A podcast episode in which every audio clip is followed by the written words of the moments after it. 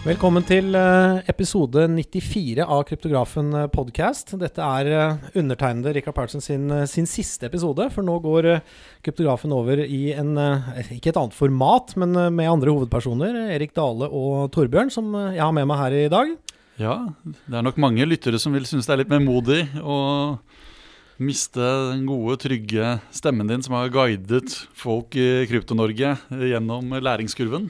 Ja, Men det som er bra, Torbjørn, at de mister meg ikke. De kan uh, høre på min uh, nye podkast som heter Rapporten med Rikard Paulsen, og som uh, vil dreie seg litt rundt mine egne prosjekter og ting jeg syns er spennende, nå som jeg står litt på, på egne ben. Men det var veldig gøy. Jeg gledet meg til denne siste episoden, og jeg og Torbjørn har bestemt oss for å gjøre et lite tilbakeblikk på, på de første episodene vi, vi spilte inn i fra mars 2019 og utover.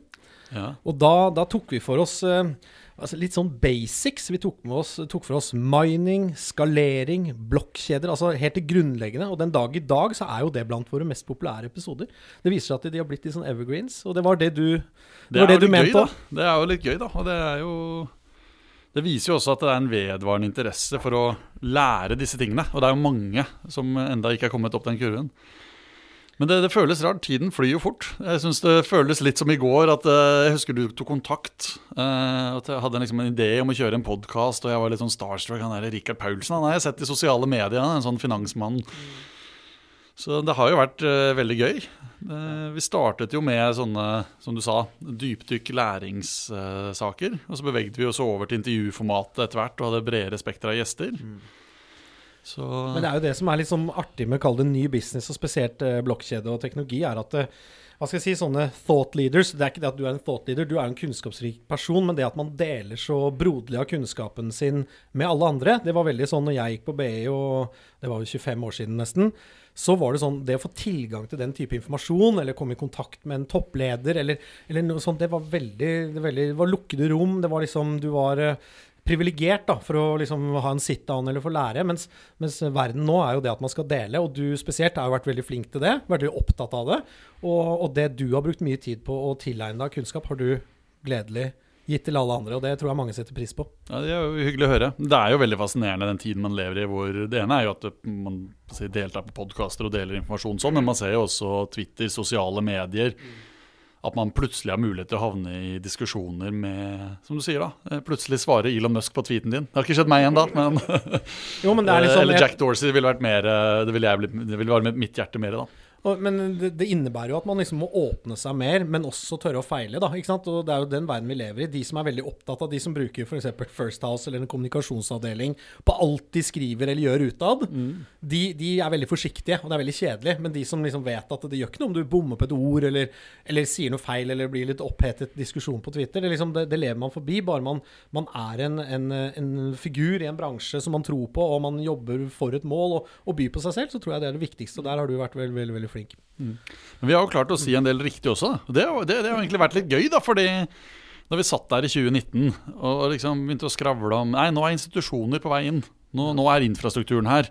Den var der ikke i 17. Nå, nå begynner det å skje noe. Så jeg, var nok, jeg tenkte nok at det skulle skje litt raskere. Det har jo tatt litt tid, men det har jo skjedd så til de grader. Det er jo Det er jo, ja, men det er jo prisene, ikke sant. Når prisene begynner å gå og det begynner å bli veldig relevant. Så altså, det var ingen institusjoner som aktivt handlet dette fra gammel økonomi når vi satt, oss ned i mars 2019. Men denne uken her nå så endret George Soros sitt quantum-fond, det største hedgefondet i verden, blant de topp ti, i hvert fall, eh, mandatet til å kunne inkludere kryptovaluta. Steve Cohen i Point 72, som er basically den, hvis dere har sett TV-serien Billions, som serien er laget etter, endret mandatet sitt og inkluderer kryptovaluta. Så institusjonell adopsjon har kommet, det, altså. Ja, Det har jo kommet, og, og da er jo spørsmålet liksom, hvordan kunne vi se at det var på vei, eh, ettersom de ikke var der. Eh, og, det er jo at, og det er det som er så spennende når man dypdykker i et felt. Og det er at det, man, det vi så, og eh, som gjorde at jeg tenkte at dette kom til å skje, det var jo utbyggingen av infrastruktur. De handelsplattformene som de institusjonelle bruker, de ble jo utviklet i 2018-2019. Det var da Fidelity sin custody-løsning ble lansert. Det var da Elmax som en stor tradisjonell valutaaktør bygde sin handelsplattform. Det var da Ice bygde denne Bakt-plattformen. Alt det grunnarbeidet ble jo gjort. Og det visste, det visste, du, på en måte. Eller vi, vi, hadde jo innsikt i bransjen på en annen måte, fordi vi visste jo at prosjektene var underveis. Mens, ja. mens en jevne leser av f.eks. en norsk næringslivsavis ville kanskje ikke på en måte hatt innsikt i at alle disse prosjektene var på vei. Ikke at vi hadde altså, Vi hadde jo ikke innsideinformasjon, men, men, men, det var jo ting som var delt. Men man måtte vite hva man så etter. Ja. Og det har også vært litt gøy å se eh, Jeg har jo vært helt siden Arcanes begynnelse i 2018, men da særlig også da nettopp våren 19 vært utrolig fokusert på Lightning-nettverket. Som for utenforstående sett ut som at liksom, det skjer jo ingenting. Før nå, boom! El Salvador har gjort bitcoin til uh, nasjonalvaluta. Og de appene de bruker uh, for da å kunne bruke betaling og bruke bitcoin som betalingsinstrument, støtter selvfølgelig Lightning. For det er det som må til. Nå kommer de største exchangene, eller har kommet allerede, med Lightning-løsninger. Nå skjer det. Så jeg har jo hele tiden vært utålmodig og på å si, undervurdert tiden det tar.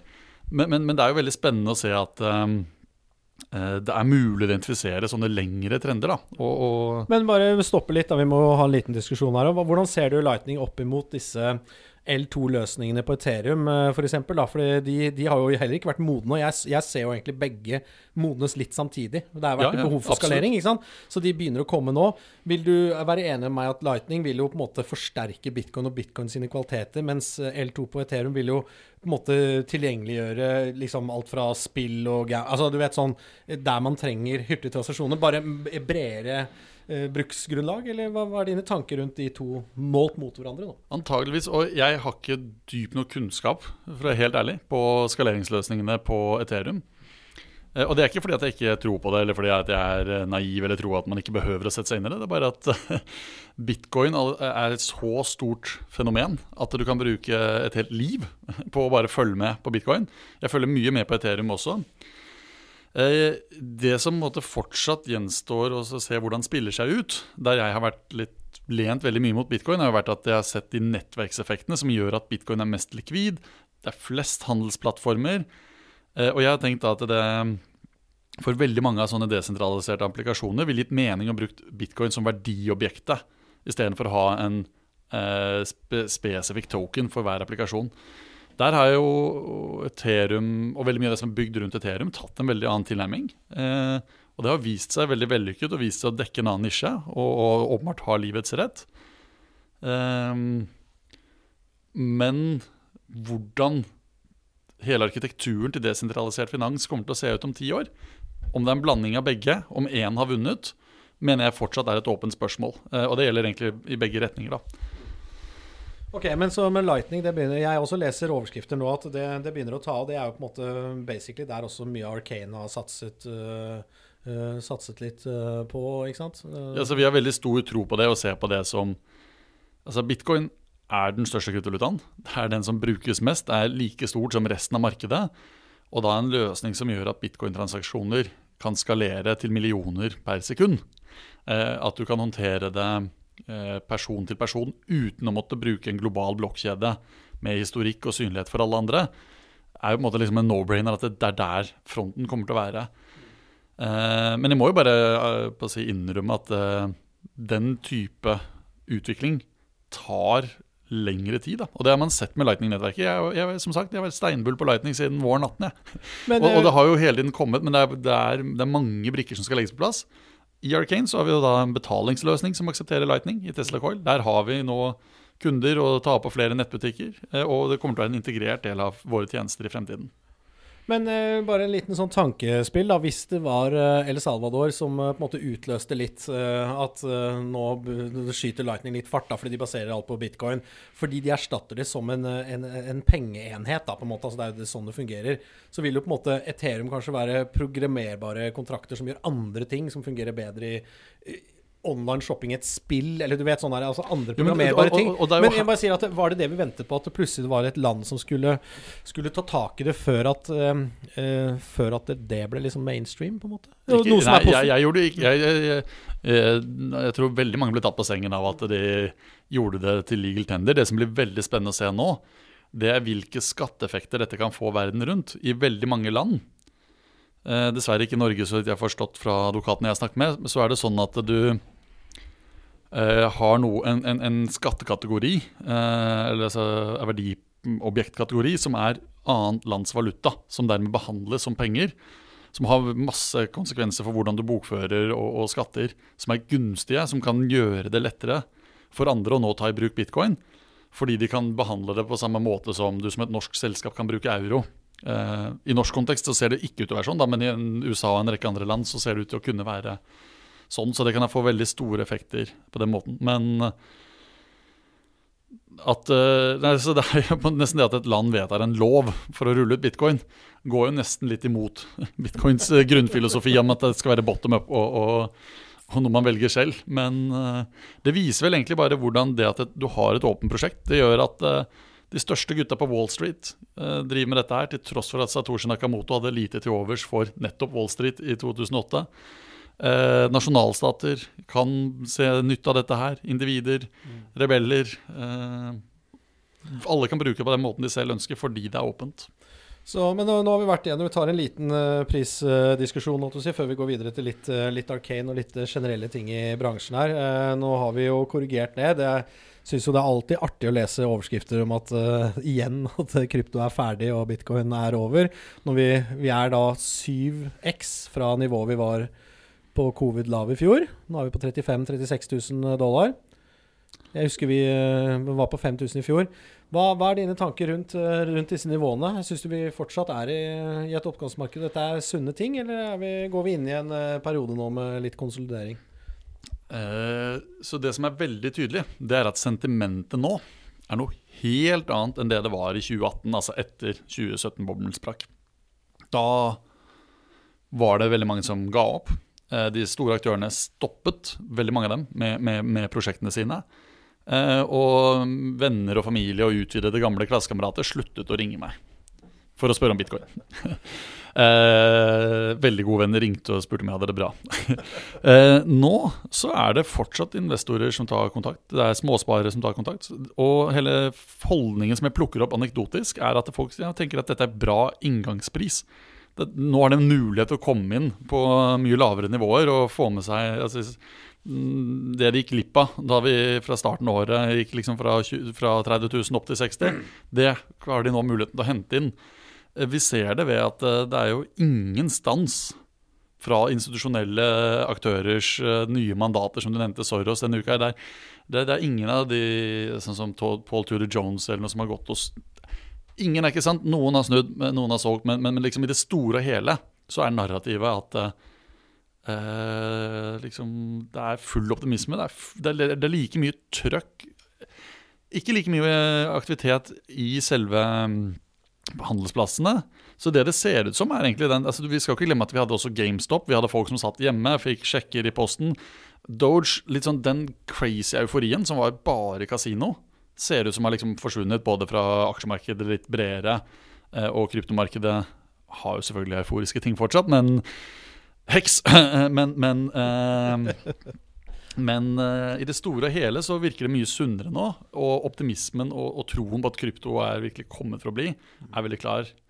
Jeg ser det også fordi banker som har vært Nå snakker vi om norske banker da, som har vært utrolig bakstreberske ganske lenge der begynner ulike personer sånn høyt oppe i compliance-avdelinger i ledelse å ta kontakt nå. Og fordi de ønsker å lære mer. Eh, bransjeorganisasjoner eh, som koordinerer bl.a. finansbransjen, tar kontakt med bransjen, oss og andre aktører, for å sitte ned sammen og se på, med konkrete formål og se på hvordan AML av krypto kan håndteres på en sånn måte at bankene blir komfortable. På initiativ fra bankene. Jeg har ønsket dette her siden jeg begynte å prate om det i 2014. Eh, men nå skjer det, så det er, det er, ikke noe stans i utviklingen her. Det er ikke noe kryptovinter eh, som jeg plukker opp noe som helst tegn til. Nei, det er bra. Lite, to punkter fra meg der. Eh, det med hypen er selvfølgelig veldig relevant. fordi mye av driverne både på GameStop og på krypto er jo at du sier til naboen at du har tjent mye penger, og så har han lyst til å tjene penger han òg. Da begynner han å investere. Men uh, hvis det faller tilbake, så forsvinner litt av den, den gode storyen der. Men så over til det positive momentet. da, Det er at uh, hvis institusjoner som et stort fond, som bruker da compliance, analyseavdelingen sin, til å analysere produktet, endrer et mandat, investeringskomiteen, de forsvinner ikke fordi at prisen korrigerer. de, de, er jo, de ser det jo heller mer naturlig å gå inn og kjøpe. Så alle de som har fått mandater nå til å gjøre ting er, så dette er, Det er jo ikke sånn institusjoner fungerer. Du, du, bruker ikke et år på å godkjenne og handle bitcoin, for deretter å forsvinne fordi det faller 20 000 dollar. Det er jo, ja. Så nå får vi virkelig se da, hvor mye krefter som ligger bak der. Og jeg tror helt at dette her kan løfte seg veldig, veldig raskt igjen, bare fordi at institusjonene nå er såpass store og har såpass gode mandater til å kunne mm. gjøre ting. da.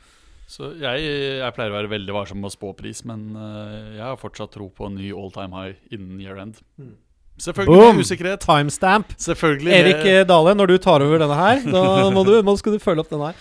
Eller så kan jeg være han i kommentarfeltet som driver sånn Husker du Torbjørn sa på den episoden? Og, og, selvfølgelig, do your own research og ikke finansielt råd osv. Men, men eh, jeg er optimist i hvert fall. Ok, men, eh, Og det er godt å vite, fordi du leder fortsatt eh, Arcane Krypto. Det siste året så har jo det vokst og grodd i antall ansatte, forretningsenheter, og det har vært en børslisting som er eh, nøye dekket i alle våre kanaler og gjennom den poden her. Men, men, nå leste jeg at dere skal begynne med mining. Ja, det har jo vært en sånn bit som har manglet. da. Vi dekker stort sett hele verdikjeden. Med veksling, betalingsløsning, fondsforvaltning, markedsanalyse. Eh, så har mining eh, vært noe som er liksom, noe vi ikke har hatt i porteføljen. Jeg har alltid hatt det liksom i bakhodet og liksom sett er det noen gode måter å komme inn er det noen gode vinkler her. Eh, og Noe av det som er veldig spennende, er jo at eh, det å da f.eks. ha et land som Norge, som har billig, ren energi, god kjøling og sterke fagmiljøer, hvor du kan også ha R&D-utvikling rundt et mining-konsept over tid, gjør Norge til en veldig egnet nasjon. Eh, Norge så jo en oppblomstring av miningaktivitet. Og så raslet politikerne med at de skulle lage særbehandling for datasentre som minet kryptovaluta. Eh, og skulle fjerne fritaket fra elavgift, som andre datasentre har, og annen kraftkrevende industri har. Da fikk internasjonale investorer panikk. Eh, og så er den reguleringen blitt lagt på hylla, både fordi hele den samlede datasenter, ikke bare minere, men hele bransjen, Kraftverk og kommuner. Alle, Det var det samlet høringsuttalelse var det vi gikk jo gjennom det. Ja, det Alle som var spurt, som var negative til den. Ja, og Det pluss at EØS-rettslig så funker det ikke. så, eh, men det betyr at Norge fortsatt er like bra eh, sted å, å, kunne utforske mining. Eh, og vi har jo da jobbet internt med å se på hvordan vi kan angripe det her. Vi har kommet fram til at det som gir mening for oss, er å starte med et lite første skritt. Eh, vi startet jo da med å sikre oss eh, hosting. Og dette er jo, dette er, timingen er, er jo, Jeg har fått ganske mange spørsmål om timingen, fordi dette kom jo da ganske, ganske raskt etter at uh, nyheten om at eh, Kina stenger ned mining. Så du har plutselig da hardware, altså maskiner, som da plutselig må flykte verden over til Kasakhstan, til Texas, til Norge, til Canada. Akkurat da, når liksom da vanskelighetsgraden å mine er i fritt fall, lønnsomheten øker, så er vi klare. Uh, jeg hadde ikke innsideinformasjon fra det kinesiske kommunistpartiet. Uh, vi, snudde, vi, er raske i Arcane, men vi snudde oss ikke rundt på to uker, så dette har jo ligget litt i korta litt lengre. Uh, men det er jo utrolig, utrolig deilig å sitte i en situasjon der vi har sikret oss hostingkapasitet. Akkurat når hostingkapasitet er i ferd med å bli den største flaskehalsen og det vanskeligste å få tak i. Eh, mens vi nå sitter og forhandler kjøp av de første minerne og de første batchene. og prisene på mining er i fritt fall. Det er veldig deilig Og da fordi det er ikke mer enn seks uker siden så var mining-rigger det dyreste det hadde vært noensinne. Uh, og det var, ba, og det, og det var, sel det var selgers marked. Ja.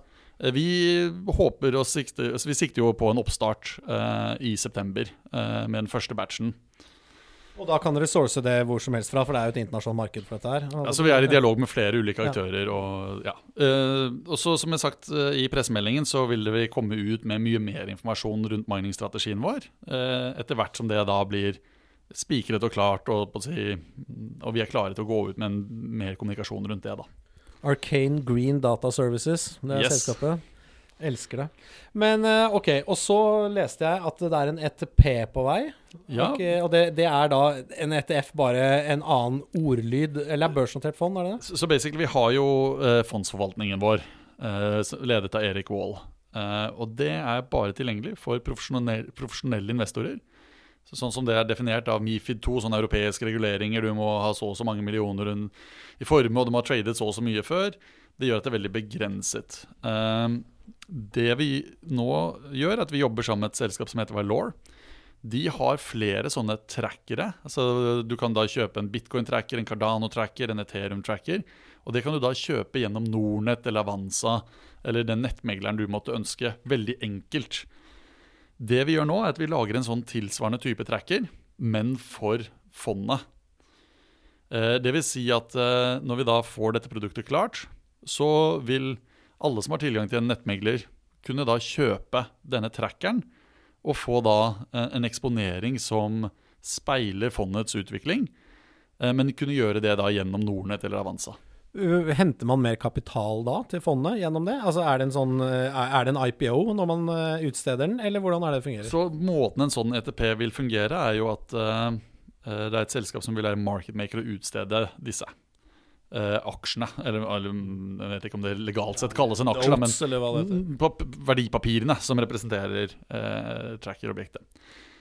De, fordi det er en ETP, så kunne de faktisk gjort det uten å ha altså, Eller det, det, det er veldig fritt hvordan de ønsker å hedge det. Men den måten som er klart pest for dem å hedge Hvis de har 100 millioner uh, kroner i utestående ETP-notes fordi folk har lyst til å være long fondet, så tar jo de de penga de har fått inn da, og tegner seg i fondet. Da har de en perfekt hedge. Eh, og så er det en liten sånn, det en liten fee knyttet til det, og, og de tjener på marketmaking. Altså de stiller, stiller priser både på kjøp og salg. Ingenting er gratis uh, her ute. Så, ja. Nei, nei, nei, nei altså det, det er jo, og det vil jo være sånn at det er en uh, litt grann dyrere måte å få eksponering uh, finansielt da, mot, mot si, hvordan fondet går. Men du får fordelen med at du har full fleksibilitet. Du kan kjøpe det på dagen, du kan selge på dagen, du kan skalere opp, du kan skalere ned. Fondet har type sånn en måneds eh, forhåndsvarsling, det er periode før du kan få det ut. Altså den type eh, strukturer som er veldig godt egnet for store, langsiktige investorer, og det vi ønsker oss for fondene. Men ved å da få et listet produkt, så får du også kombinert det med en fleksibilitet da, som er mye større. Ok, Og det blir, blir listet i Sverige, eller altså, i svenske kroner? Eh, så, dette, så vi jobber sammen nå med å finne ut Altså Vi har inngått en intensjonsavtale. Eh, vi håper og tror at vi skal få, få rullet dette ut. Alt ser ut som det skal gå bra. Eh, antageligvis så kommer vi da til å liste det eh, Eller altså gjøre prospektet i Sverige.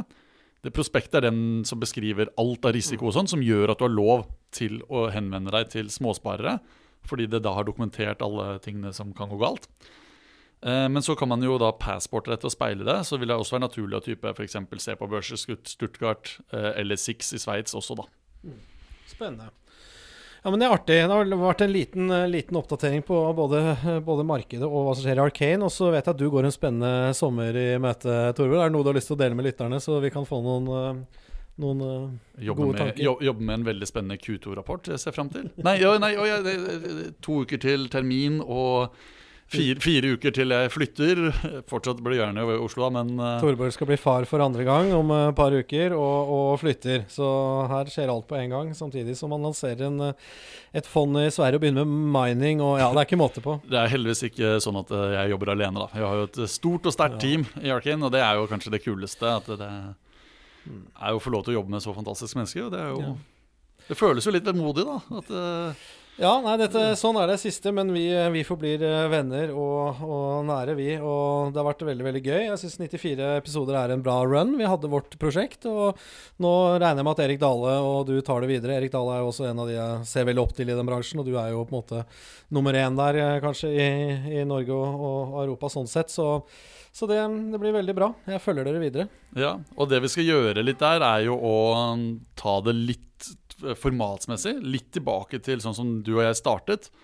At det blir veldig mye at det blir meg og Dale. Eh, og så går vi tematisk gjennom ulike deler. Og vi tenker oss kanskje til og med å kunne legge opp Kall det miniserier. da Altså type gjøre et dypdykk i hva er penger, men kanskje over seks episoder. og, og, og hvor selvfølgelig kryptovaluta bitcoin er måte, kjernen det spinner rundt, men å kunne spille litt bredere. Så jeg gleder meg veldig til det. da Og så blir du nok invitert tilbake, eh, Rikard. Ja, ja. Du, du slipper ikke unna så billig. La eh, det, sånn er det. Og eh, som sagt, det er jo mange som sikkert har fått med seg jeg er i gang med en, eh, en egen pod som er litt om startups og litt om finans og litt om eh, krypto, som er sentrert litt rundt de tingene jeg gjør. Men eh, jeg syns det var en bra siste episode. Vi fikk eh, dekt eh, flere ting, og nå skal begge to ta litt grann sommer, tenker jeg. Eh, Ja, og, litt sol og bading. vi får se. Du er vel sikkert på, på Ullevål sykehus på fødeavdelingen før du vet ordet av det. Så. Nei, men det er bra. Tusen takk eh, for eh, meg og, og denne episoden. Ha det bra. Ha det bra.